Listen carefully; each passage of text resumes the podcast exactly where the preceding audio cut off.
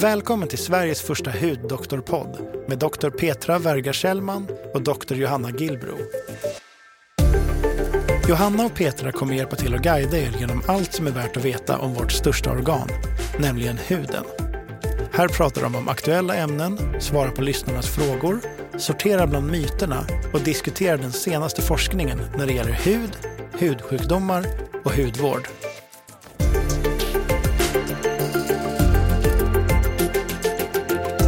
Här avsnittet handlar om iktyos. Hej och varmt välkomna tillbaka till Huddoktorerna. Nu sitter jag här med en väldigt spännande gäst som har rest hela vägen idag på morgonen från Halmstad till Stockholm. Eh, varmt välkommen säger jag till Agneta Gånemo. Tack så mycket. Eh, du har forskat och disputerat i hudsjukdomen iktios. Eh, och du kommer få mm, berätta lite mer vad, vad det här innebär. Eh, jag tänkte först för att presentera dig läsa upp en text som jag har fått av din dotter som har skrivit. Och den här tycker jag var så fin så att jag läser upp detta så får lyssnarna en bild av dig innan vi sätter igång. Så här kommer texten. Det här är Agneta. Hon är snart 50 år, intresserat sig för iktiossjukdomar och för de människor som påverkas av just iktiossjukdomar. Ett intresse som har lett till startandet av en funktionshinderorganisation, disputation och bli med doktor och även docent några år senare. Hon har tillsammans med andra identifierat gener, mutationer, omhändertagande och behandlingsformer. Men livskvaliteten för denna, dessa människor och familjer har alltid varit i fokus. Hennes forskning fortsätter att refereras till världen över. Hon har skapat en salva, Locobase LPL, som många personer numera hämtar på apoteket och använder dagligen. Hennes arbete har lett till kontakter, föreläsningar och mässor världen över. Hon har också svarat i telefon dygnet runt för att stötta och utbilda läkare och sjuksköterskor när ett nytt barn med iktios har fötts. Hon har även, om familjerna så önskat, åkt landet runt för att träffa dessa familjer för stöttning, tips och råd. Nu har hon även använt eller nu har hon även ägnat de sista åren till att sammanfatta all sin och andras forskning och skrivit en bok om mikrossjukdomar som i veckan kom, rykande färsk från tyckeriet. Ett uppslagsverk och helt unik. Ingen annan bok världen över ger en samlad bild. Agneta är inte bara hårt arbetande, begåvad och har ett stort hjärta. Hon är även min mamma vi är så stolta över dig. Nu börjar jag nästan gråta.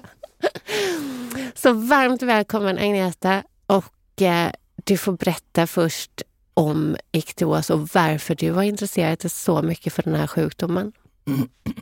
Ja, tack så mycket. Tack för denna fantastiska introduktion. Även om jag vet att eh, jag har både läst den och hört den tidigare så blir man ju lite rörd utav det. Men jag är jätteglad för att du har använt denna introduktionen av mig. För det är sant, varenda ord som står där. Iktios, ja, det är en grupp av hudsjukdomar. Det är inte bara en sjukdom utan det är iktiossjukdomar eh, där det är från det mest sällsynta man kan tänka sig till no, där det är svåra former, mycket svåra former och till det lite lindrigare. Ja, men iktios är ju inte en, eh, en, eh, en jättevanlig sjukdom.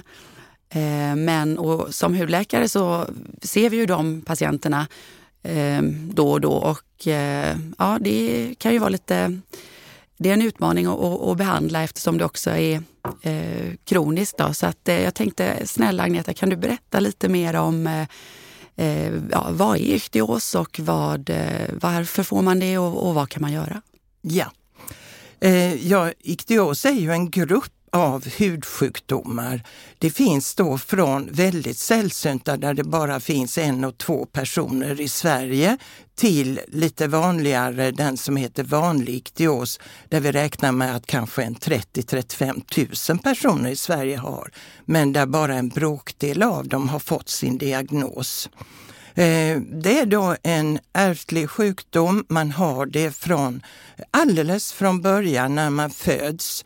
Eh, vissa former där ser man det direkt när de kommer ur mammas mage.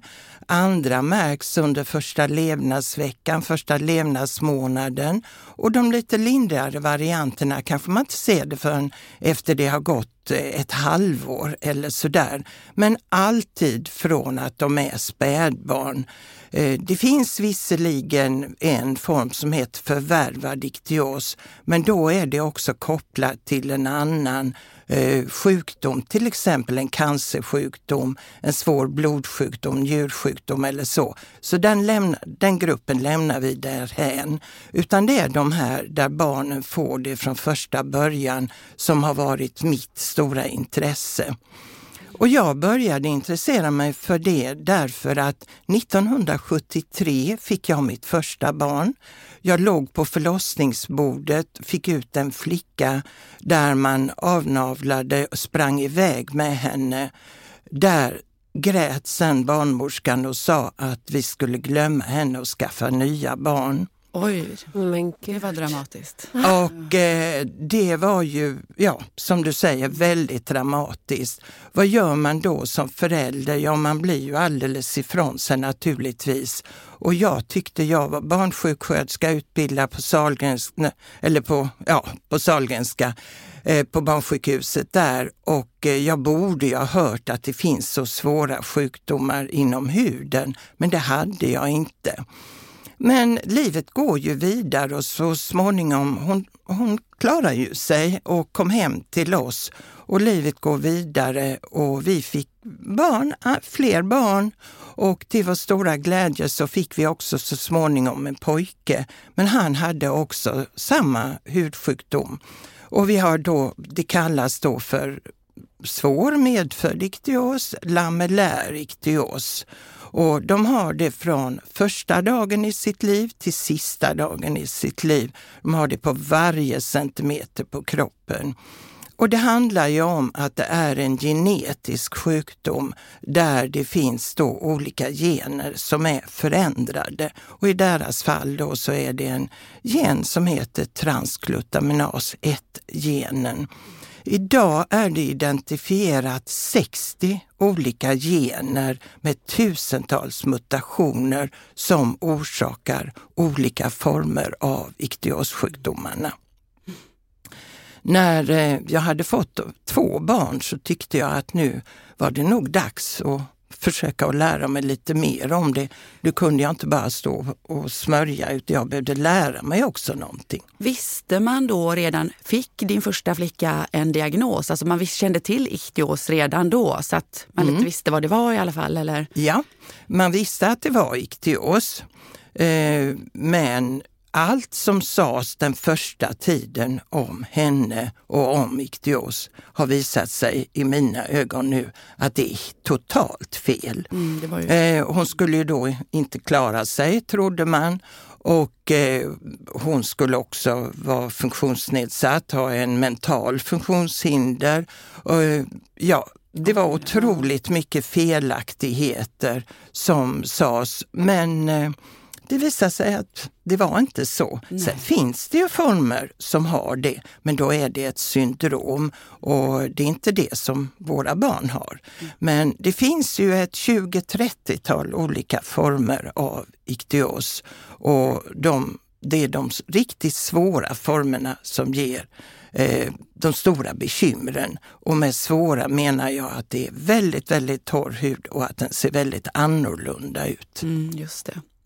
Jag minns ju, man kallade det lite för fiskfjällssjukan ibland. Eh, fick man ju höra som, eh, ja men när man gick på läkarlinjen till exempel. Det är ju, det är ju ett par år sedan nu. vad tycker du om den eh, Det är det värsta ord jag vet och jag har jobbat nu då i 50 år för att arbeta bort det ordet. Och säger det, här var, det här var på 90-talet, så ja. det, det, det, det är ett tag sedan. Ja, ja. och det, jag blir fortfarande väldigt ledsen när jag hör att folk får den diagnosen, för det förekommer ju faktiskt fortfarande att patienter får diagnosen fiskfjällssjuka. Och det här är ett ord som ska strykas ur all vokabulär överhuvudtaget. Det här heter riktios. Eh, det är ju precis likadant som mm, Diabetes hette ju tidigare sockersjuka. Det använder man inte idag. Eh, epilepsi var fallande sjuka. Vi pratar om precis likadant. Det här är ord som är gamla och som man inte ska använda idag. Det heter riktios, rätt och slätt. Mm. Det håller jag med om. Mm. Kalla hur, saker. Mm. Hur mår din dotter och son idag? Ja, de har sin sjukdom och precis som alla andra med iktios har de sin sjukdom som påverkar deras liv varje dag. Mm. Eh, det ska duschas. De duschar två gånger om dagen. De smörjer varje centimeter på kroppen eh, två gånger om dagen minst och så ansikte, händer många gånger däremellan. Eh, och de lever ett normalt liv med arbete och med familj, mm. mm. båda två. Men visst påverkar sjukdomen deras liv. Och de har båda bidragit med varsin berättelse i min bok. Mm. Eh, där de har lite olika perspektiv på hur de ser på sin sjukdom. Eh, men det är också så att de svettas inte, den som har svår iktios. Eh, de kan inte svettas någonting överhuvudtaget, vilket gör att det här med värmeproblemen är väldigt stora då under sommartid då framför allt.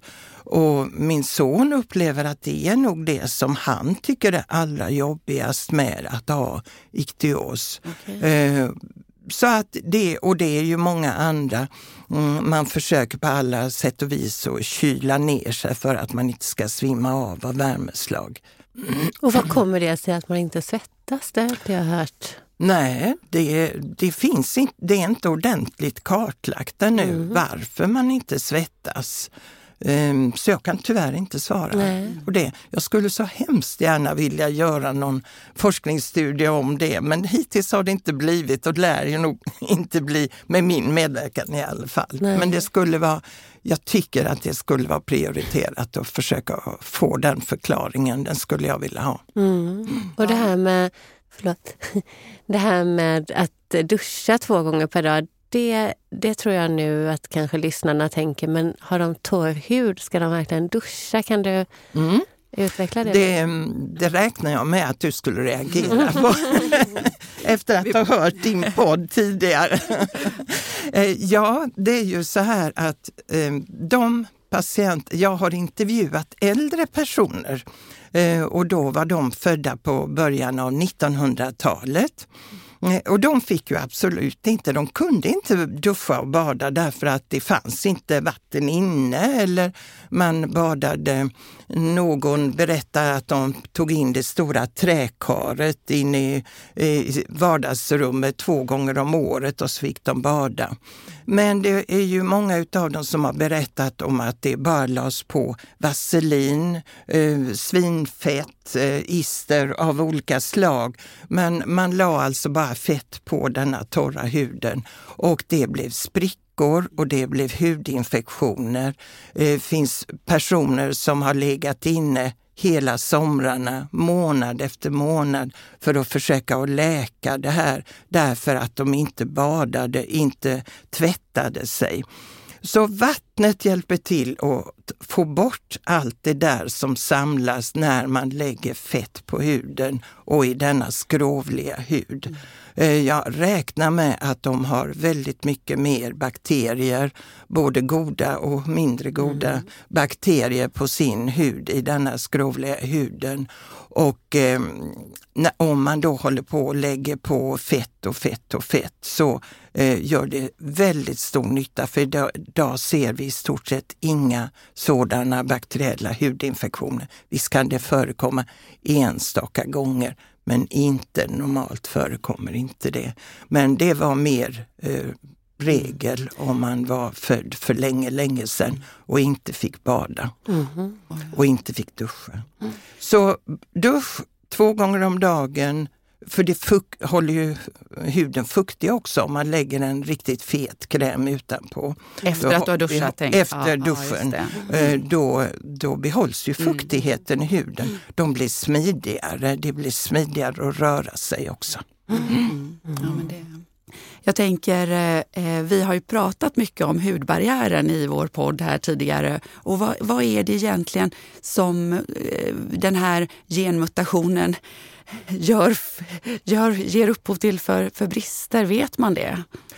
Ja, eh, de som är riktigt kunniga i det här med hudbarriären, celler, enzymer och så vidare, de vet lite mer än jag om Du är ju just det. docent. Ja, kan... jag är docent men jag är inte docent i det. Jag är väldigt, Nej, det är väldigt bra på alla symptom och, Ja. och eh, på hur människor mår när de har de här sjukdomarna. Och jag har en otroligt stor erfarenhet av att ha träffat personer Ja, det med iktios, både i Sverige och utomlands. Men ner på cellnivå och enzymnivå, det kan inte jag tyvärr.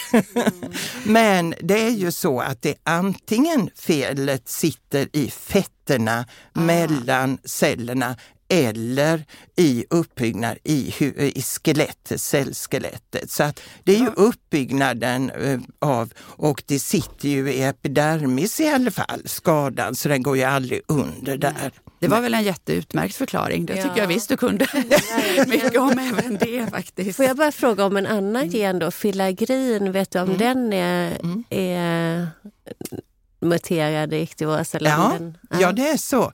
Eh, Den som har vanlig iktios Mm. eh, har ju en mutation i filagringenen. Mm. Och många av de patienterna som har iktios vulgaris då, eh, de har mm, en mutation och också atopiskt eksem. Så att det, är, det är rätt så vanligt. Men sen var det en intressant studie som jag läste om mm, pojkar med könsbunden iktios när jag skrev boken. att jag såg att eh, det fanns också en överrepresentation av filagrinmutationer även hos pojkar med eh, könsbunden iktios. Okej. Och det, det, var en rätt, det var en nyhet för mig i alla fall. Och det var en nyhet för sådana som kan väldigt mycket om atopiskt eksem och filagrin. Så att eh, det, det är en relativt ny forskningsstudie. Ja, det var en ja, intressant fråga för som sagt eh, filagringenen är ju ofta muterad just vid atopiskt eksem i alla fall. Det, det, är vi ju rätt, det vet vi ju rätt så mycket om idag men eh, även här då. Man har ju fått omvärdera lite grann när, när eh, man hittade detta med filagrinmutationen för de som har iktios vulgaris. Eh, då har man ju funderat lite grann över att det blir på olika sätt om man har Mm, Har man två mutationer, alltså från både, båda föräldrarna, så får man en svårare vanlig iktios eller iktios vulgaris. För då får man både det och atopiskt eksem. Så då har man båda delarna. Annars har man bara en av mutationerna så kan man ha antingen iktios vulgaris eller atopiskt eksem. Så det finns liksom lite överlappning där. Jag förstår. Den här boken som jag är jätteglad att vi har fått varsitt ex av. Eh, hur, hur var det att skriva den? Tog det lång tid? Mm. Ja, det gör det ju. Det gör det ju. Det tar ju lång tid därför att, men jag får ju, om man nu ska säga ett tack så kan jag väl säga att jag kan tacka pandemin över att den blir klar nu. Just det. För att tack vare att pandemin kom så hade jag inte några föreläsningar utanför hemmet utan då kunde jag ägna mig helt åt att fördjupa mig i ett kapitel i taget och läsa all den vetenskapliga litteraturen som fanns omkring de olika formerna och sen samla ihop alltihopa ihop till boken. Ja, vad roligt. För ja, det är ju väldigt tacksamma för faktiskt. Men visst har du skrivit någon eller mindre bok och häften tidigare. Vi hudläkare, vi känner ju dig Agneta. Ditt namn är ju väldigt bekant för oss, Agneta Gånemo. Och eh, som, ja, när, man, eh, när vi utbildar, eller under ST-utbildning och sådana saker så, så att, fanns det alltid eh, ja, häften och artiklar och, och eh, mindre böcker som var skrivna av dig. Men inte en sån här stor och fin tror jag. Nej, nej det är helt rätt. Eh, det finns alltså mera typ pocketupplaga eller populärvetenskapligt lite mer än vad detta är. Här har jag till varje kapitel också alla de vetenskapliga referenserna. Så för första gången så är det då en, för den är en inbunden bok. Den är på 295 sidor och sen är det då byggt på vetenskap och beprövad erfarenhet. Så man kan säga att det är en evidensbaserad bok för det, ja. det är så. Mm. Verkligen. Och vad får man tag på den här? Om man, om man nu känner att man skulle vilja köpa den här, den här alltså iktiossjukdomar, symptombehandling och att leva med iktios? Ja, då får man ta en kontakt med mig, Agneta Gonmo, Därför att det är ju så att det fortfarande är väldigt sällsynt sjukdom mm. och människor, det är inte så lätt med stora förlag och så vidare och få dem att trycka. Så jag har tryckt den och den går att skaffa. Och jag, mm. är det företag så fixar man det med faktura och sånt. Annars så, det, det löser sig. Men man får ta kontakt med mig och mitt namn är ju så ovanligt så att det, det går att hitta på, hitta och Eniro och alltihop ja. det här. Ja. Och om, om, har du någon e-mailadress som, eh, så att det blir lätt för? Ja då, jag har eh, och då är det mitt eh, förnamn och efternamn så det är Agneta at ganemo.se. Mm. Enklast tänkbara. Enkelt, ja. Ja, Enklast tänkbara. Vad fint för den här patientgruppen för precis som du säger så är ju inte patientgruppen jättestor kanske. Och det är ju ofta ett problem för, för grupper som med, med sjukdomar som är lite mer ovanliga. Att det är ingen riktigt som tar tag i det.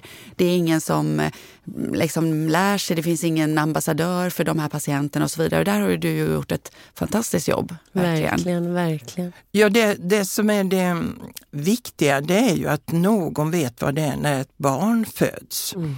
Och det handlar ju om att ett barn som har en riktigt svår riktios ser väldigt annorlunda ut när det föds och när det kommer ur mammas mage. Och väldigt ofta blir det kaos på förlossningsavdelning på barnklinik. Man undrar vad är det här för något och hur ska, vad ska vi göra? Ska vi kalla på någon hudläkare eller ska vi inte? Och så kallar man på jouren och jouren kanske är en, en eh, ST-läkare och så är det de som, som inte, aldrig, har sett, som aldrig har sett någonting och så blir det fullt eh, kalabalik ibland. Va?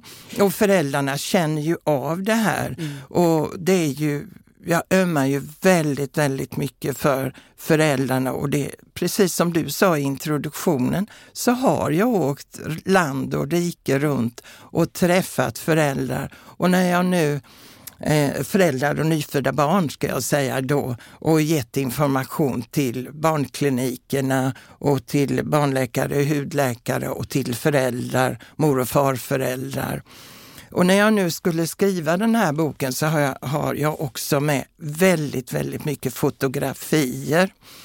Och det finns då barn som nu då är över 20 år gamla som jag såg och som jag var hos när de var nyfödda. Och när jag nu har ringt runt och frågat om jag får använda fotografierna så har jag fått tillbaka så otroligt mycket av föräldrar mm. och av de här själva och sagt att ja, men det är klart att du får använda de här fotografierna. Du gjorde så mycket för oss när mitt barn var nyfött. Ja, är Därför är det otroligt mm. viktigt att någon vet när ett nytt barn föds Ja, för det var det som var min fråga lite. Eh, hur är det bland eh, förlossningspersonal? Är man mera eh, kunnig i det här idag och ändå att, att man liksom inte... Det finns ju andra, tänker jag, väl också allvarliga hudsjukdomar det här där man i princip, också ärftliga, där man i princip barnet förlorar huden och det är ju däremot en dödlig åkomma. Sker förväxlingar där eller så? Är det Ja. det man tror då kanske när man ger en sån fruktansvärd prognos? Nej, nej, jag tror inte. Jag vet ju att du menar nu epidermolysis bullosa. Precis. Ja, och där har jag ju likaså varit runt hos väldigt många och träffat föräldrar till nyfödda barn med epidermolysis bullosa. Den, alltså en, om jag nu säger en lamellär iktios, en iktios där det inte är blåsvariant, där kan man inte förväxla Nej. med epidermolysis bullosa. Däremot finns det ju en som heter epidermolytisk iktios och de barnen förväxlas ju då med eh, EB, epidermolysis bullosa. De förväxlas inte utan man försöker att ta hand om dem snabbt. Och man har mera kunskap och man blir mera på tårna om det är så att det kommer ut ett barn som saknar hud på vissa delar av kroppen eller som har blåsor direkt. För då räknar man med att det är en epidermolys, ly, eh, lysa, epidermolytisk bullosa, nej, Epidermolysis bullosa. epidermolysis bullosa, förlåt. Ja. Eh, man räknar med att det är det. Så då För tar man, in- Ja, och då tar man, eh, tar man prov direkt, Mm. skickar iväg det och sen händer det då att man får tillbaka att detta är en epidermolytisk mm, iktios istället då.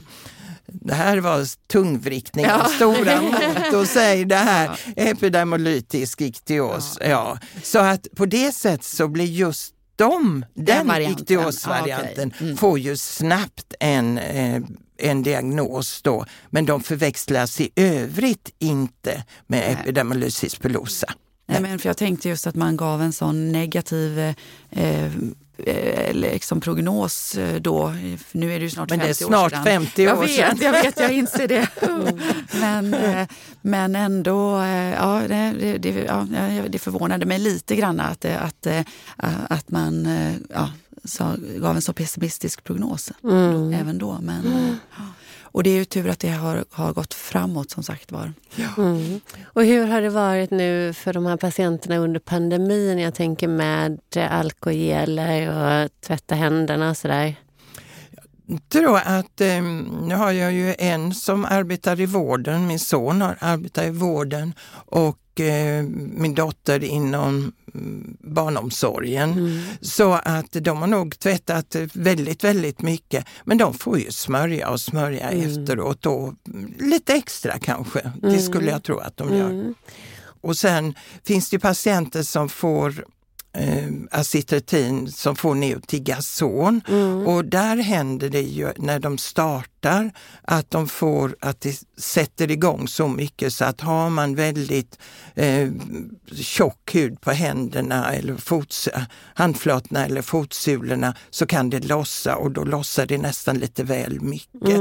Men det är ju det i samband med att man äter neotigasonet eller att man har startat precis med neotigason. Då. Mm. Och för Eh. lyssnarna, vad är neotigason? Ne- Neotigason är ju ett syntetiskt A-vitamin Mm. Eh, och det är, vi kan ju säga att det egentligen är det enda invärtes preparat som man använder till svår iktios. Eh, Men man är ju fortfarande väldigt försiktig med att skriva ut det med tanke på att det finns eh, biverkningar, framförallt fosterskador.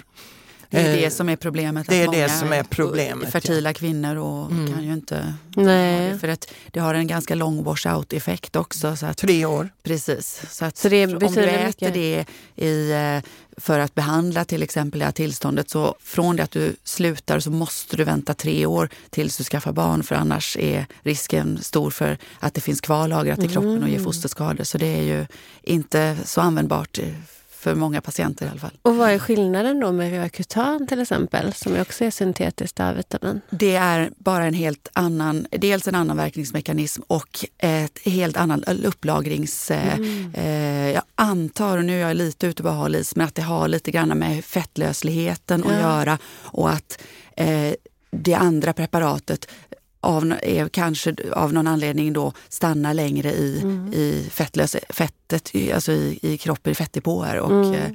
eh, isotretinoin har ju samma, men det är ju bara tre månader där när det Mm. gäller isotretinoin. Mm. Eh, man får ju absolut inte bli gravid när man äter det eller tre månader efter, men det har alltså en betydligt, ja, Mm. la- lagras kortare Mm. tid helt enkelt. Men Och- det är inte riktigt lika verksamt Nej, Heller. absolut inte. nej, för de som har iktyos. Då. Mm. För annars så, och där har vi ju funderat mycket. Vi har testat, när jag var då forskare uppe i Uppsala så testade vi ju andra preparat som sedan inte har kommit ut på marknaden. Till exempel, vi har också testat det som heter Toctino eh, därför att det är ju egentligen gjort för att de med handeksem Precis. skulle ha. Mm. Och där behöver man bara vänta över en menstruation så Precis. Mm. är det ur kroppen. Och det tyckte jag att det var så, man skulle inte förbehålla det bara för de med handeksem utan jag ville väldigt gärna att även de som hade iktyos skulle få lov att testa det. Så vi gjorde en pilotstudie med fyra patienter men där fick ett par utav dem eh, sköldkörtelproblematik när de hade ätit det. Så att det mm, blev inget eh, där. Det finns lite olika studier om det, men det har inte blivit ett stort preparat när det gäller iktyossjukdomarna i alla fall. Hade det någon effekt? över Ja, det hade det. Det hade effekt, men inte lika bra effekt som Neotigason. neotigason. Nej, Nej. Mm. Så om vi, till, om vi sammanfattar behandlingsalternativen då för iktyos, då är det vitamin A-derivat, eh, det är även dusch två gånger per dag och det är även insmörjning och du pratar om den här Locobase LPL som Mm. eh, det som du föredrar. Det Ja. är det som vi alla för, jag tror, är liksom liklinje. Jag menar, det är det vi skriver ut till eh, patienter med Mm. iktyos. Absolut. För, ja, och det är, rätta mig om jag har fel, men det är ju mjölksyran där som vi, Ja. Vi Mm. är ute efter. Ja. Så att Ja. säga. Och, Ja. eh, Det och så finns- är inte den feta liksom, konsistensen också. Mm. Så att, eh, det är nog... Men det finns ju de som mm, tycker att de klarar sig bra på Canoderm. Det finns de som klarar sig bra på någonting annat. Så att det är ju väldigt individuellt. Sen är det också så man ska tänka på att en del föredrar det väldigt feta någon gång per dygn och en lite mindre fet vid det andra tillfället. Man kanske inte vill ha så fett på morgonen när man ska ta på sig tröjor, blusar och skjortor och så vidare. Medan man då till natten kan ta någonting fetare. Eller tvärtom. Så det är så otroligt individuellt. Men om jag tittar över den stora gruppen och eh, svår iktyos, då är det Locobas LPL som är det mest gångbara. Mm. Det känner jag igen från eh, Ja. kliniken. Även om jag inte har haft så många patienter med iktyos, för så vanliga är de ju inte, men däremot så Mm. de som finns. Sen finns det också en del patienter som du har pratat om med den här iktyos vulgaris. Och visst är det så att då har man liksom två gener med iktyos, eh, två iktyosgener. Stämmer det? Kan man vara det här, jag tänker det här heterozygot, homozygot? Man kan ju, det är ju var detta som jag menade att eh, det är ju filagrin då Ja, som ja. är den genetiska förändringen. Och har man två stycken då får man en lite svårare form av iktyos vulgaris och oftast då atopiskt eksem också. Också, har man precis, bara ja. en utav eh, en gen förändrad då från en utav föräldrarna, då får man en lite lindrigare iktyos. För, det, för den här lindrigare iktyosen,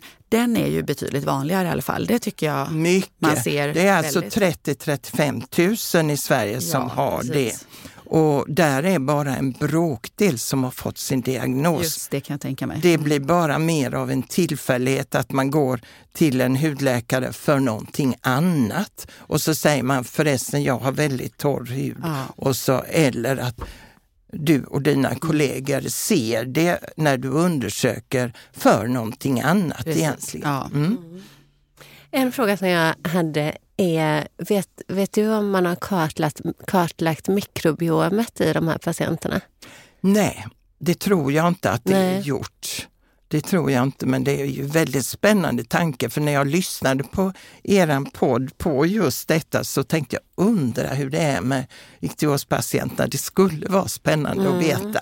Verkligen. ja. Och hur är det då med bakteriella infektioner eller svampinfektioner? Ser man det i patienterna? Ja, då, det gör man. Man ser ju svampinfektioner mellan fingrarna, eh, mellan tårna, ljumskar under brösten och, och så. Så att där är Eh, där märker de ju av kanske lite mer än de som har en normal hud. Mm. Men det är inte så att de ständigt går omkring med Nej. väldigt mycket svampinfektioner. Det kan jag inte säga att jag har träffat på i alla fall. Behandlar man då med, med en svampdödande kräm? Ja, vanlig, vanlig svampdöden. Men utan kortison då?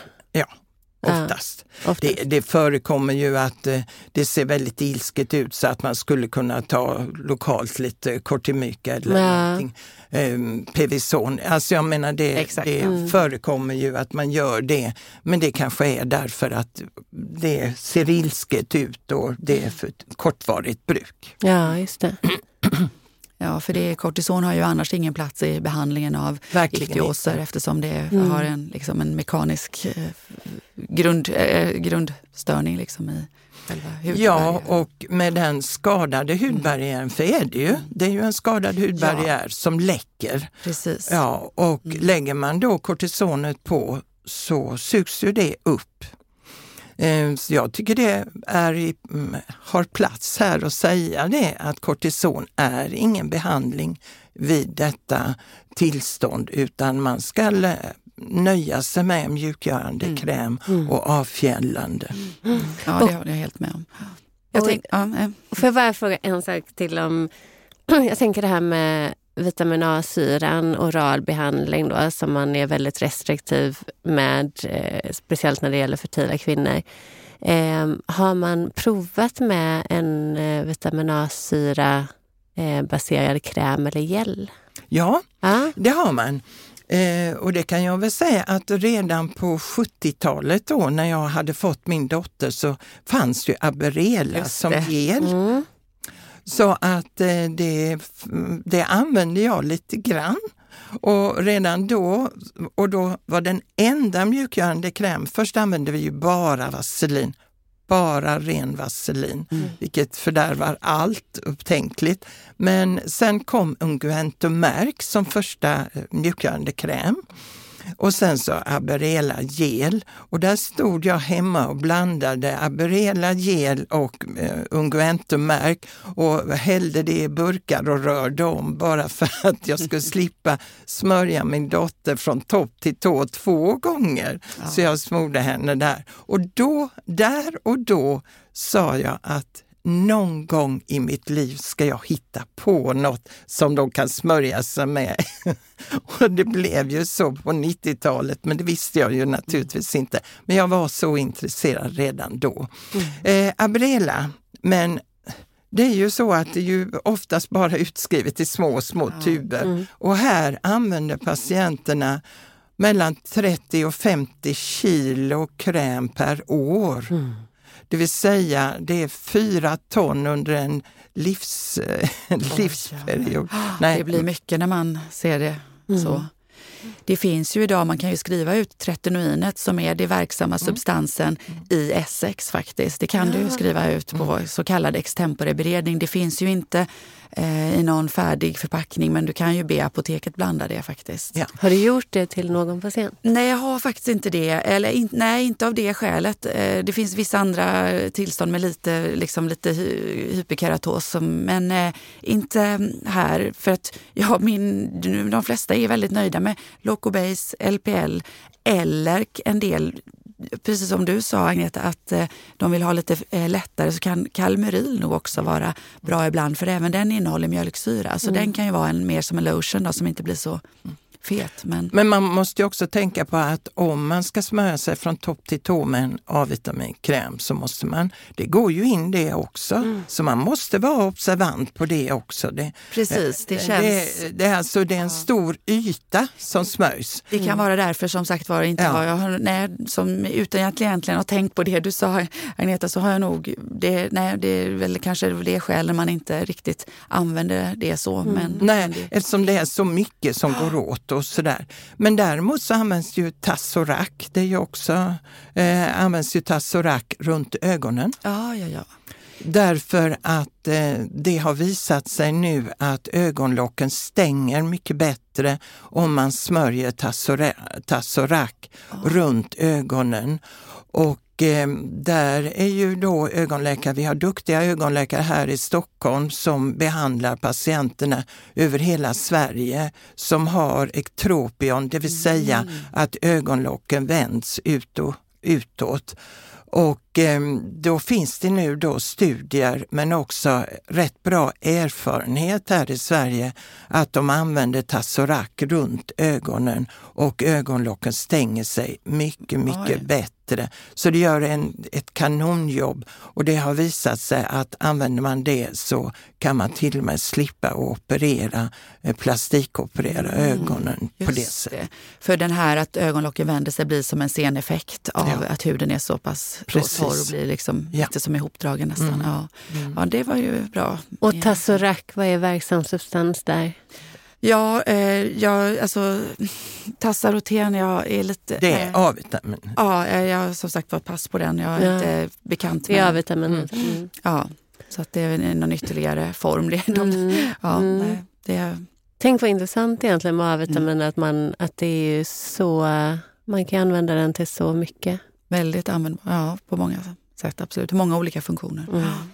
Mm. Och sen, men det som också, vi pratar om invärtes då, det som idag, eh, och det också när jag jobbade med boken så eh, har jag ju läst nu en del studier om D-vitamin. Mm.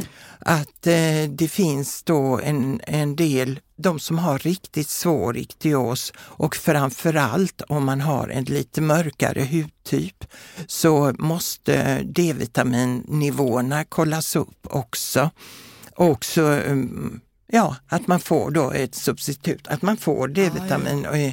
och, äta om det är så att man har för låga nivåer. Och har man då för låga nivåer så kan deras iktios bli sämre. Okej. Mm. Mm. Mm. Så det är ytterligare en sån där sak när vi pratar vitaminer. Ja. D-vitamin, eh, det har ja, det är senare forskning som är just detta. Mm. Och finns det andra vitaminer och mineraler som man ska hålla nej, koll på? Nej. nej, sen kan jag inte komma på så mycket mer. Nej. Och A-vitamin ska man ju inte, eh, det, det, ska man ju inte ta utan att det är kontrollerat mm. för där är ju den stora risken med, med förgiftning. Så mm. att det får man ju inte göra av sig själv. Nej, och nej. finns det olika, jag tänker är det vanliga, vanligare med i vissa regioner i världen? Ja, det finns det. Det finns, och det finns framförallt vissa former som är vanligare på olika ställen. Sverige är lite unikt för vi har en form som vi är, eh, som har fått ge namn till ett syndrom. Mm. Och det är Sjögren-Larssons syndrom. Mm. Icke att förväxla med Sjögrens sjukdom. Nej, jag tänkte just utan detta heter Sjögren-Larssons syndrom och som finns i hela världen. Men Sverige har flest patienter i hela världen, eh, cirka 40 stycken. Eh, och det var på grund av att det var eh, en, hudläk nej, en eh, läkare, en psykiater som åkte runt i Norrland på 1950-talet och skulle titta på olika vårdinstitutioner, personer som var på vårdinstitutioner. Han hittade att det var en hel del med både fysiska och psykiska funktionsnedsättningar och en väldigt torr hud och mm. fjällande hud. Han hette Torsten Sjögren. Mm. Eh, och det blev så att han sen tillsammans med sin kompis Tage Larsson började att kartlägga att de här patienterna hör, hörde ihop, de kommer från ett och samma ursprung. Och det blev så att det därför heter sjukdomen eller syndromet Sjögren-Larssons syndrom. De skrev en avhandling om det på 50-talet. Och jag tillsammans med eh, en läkare uppe i Gävle träffade allihop och gjorde en forskningsstudie då 2009.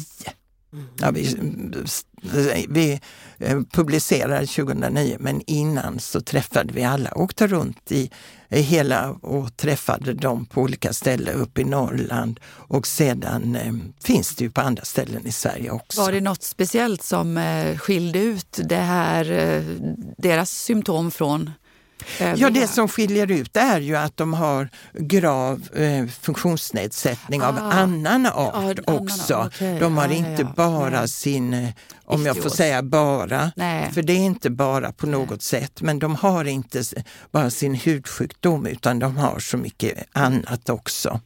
Mm. Därav kom psykiatern in i bilden. Jag förstår. Ja, precis. Men generellt sett då, iktiossjukdomar, är det någonting som är vanligare i norra Europa? Nej, nej, nej, det är det inte. Men det jag, skulle, jag skulle, tack för att du tog tillbaka mig dit. Eh, det var, är ju så att det finns vissa områden i världen där kusingifte är vanligare. Mm. Och där eh, finns det mm, platser där också iktios är vanligare.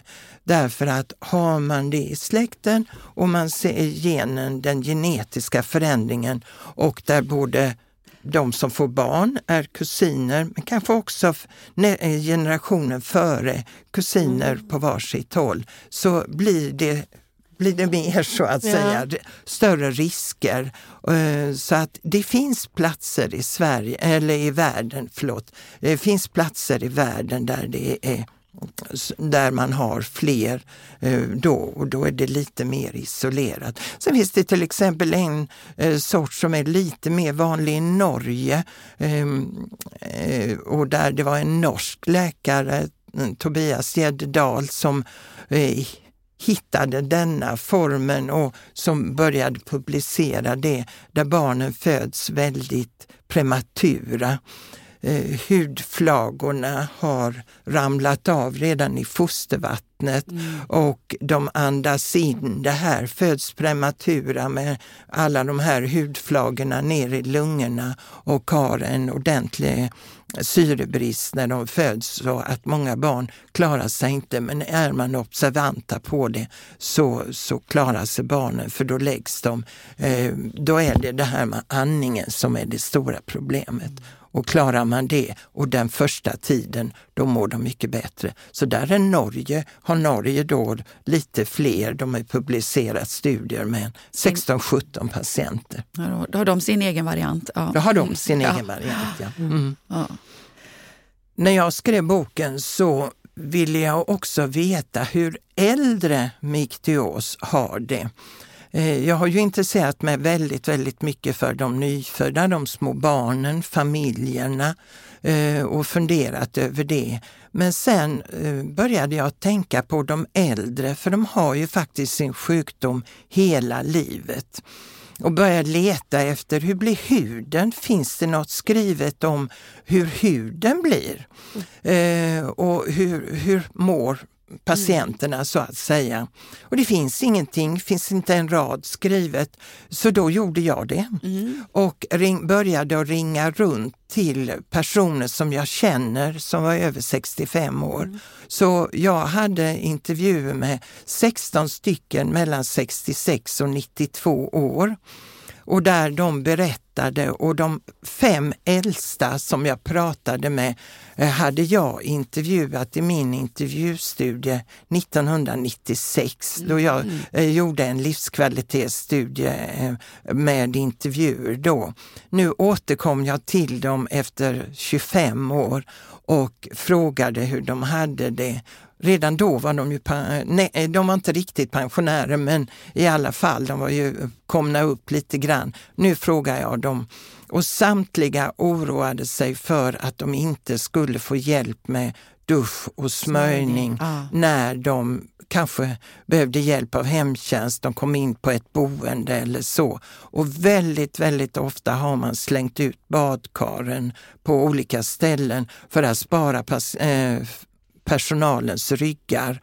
Och då förstår man inte att för de här patienterna är de långa baden livsviktigt. Mm. Så det är nog det som jag vill få fram. Mm. Att har man en patient på ett äldreboende, en äldre människa, kanske till och med en dement människa som sitter och kliar sig, som inte eh, för, kan berätta hur svårt de har det, så måste de ha hjälp med smörjning och smörjningen ska ske värdigt för den här patienten och noggrant. Och Och det var ju- gärna efter bad. Absolut Ja. efter bad. Ja. Verkligen aldrig bad och dusch utan att smörja sig. Nej, Mm. nej. Det var väldigt viktig information. Ja, det är ju så. Det, det, det är sånt som behöver lyftas verkligen. Mm. Hur, eh, att man får även värdig hjälp när man blir Ja, äldre verkligen. och individanpassad Mm. sådan också. Ja, Så här har du bidragit fint. verkligen. Hade du någon i din släkt som hade iktios? Nej, Nej. det är ingen som vi vet om, varken min, på min mans sida eller på min sida. Och vi, vi har ju anlag båda två. Mm. Så att vi har ju hittat varandra Mm. med varsin mutation ja, Mm, mm. Mm. i transglutaminasgenen. När det gäller eh, kost, finns det någonting som kan Nej. hjälpa där? Nej. Nej, det, det finns ju de som, som eh, säger att de blir lite bättre av det ena och det andra. Men det finns inget vetenskapligt där man säger att om man äter på det ena eller det andra sättet så blir man bättre. Men mår man väl i själen, man, man är pigg och glad, man äter en blandad kost, ja men då blir ju huden lite bättre Mm, också. mm. Men är man stressad, förkyld, eh, alltihop det här, precis som det gäller för alla oss andra, då är ju huden sämre också för Mm. den som har iktios. Kan, kan man mäta det just om det är stressrelaterat? Ett, Nej. nej. utan- Det tror jag inte.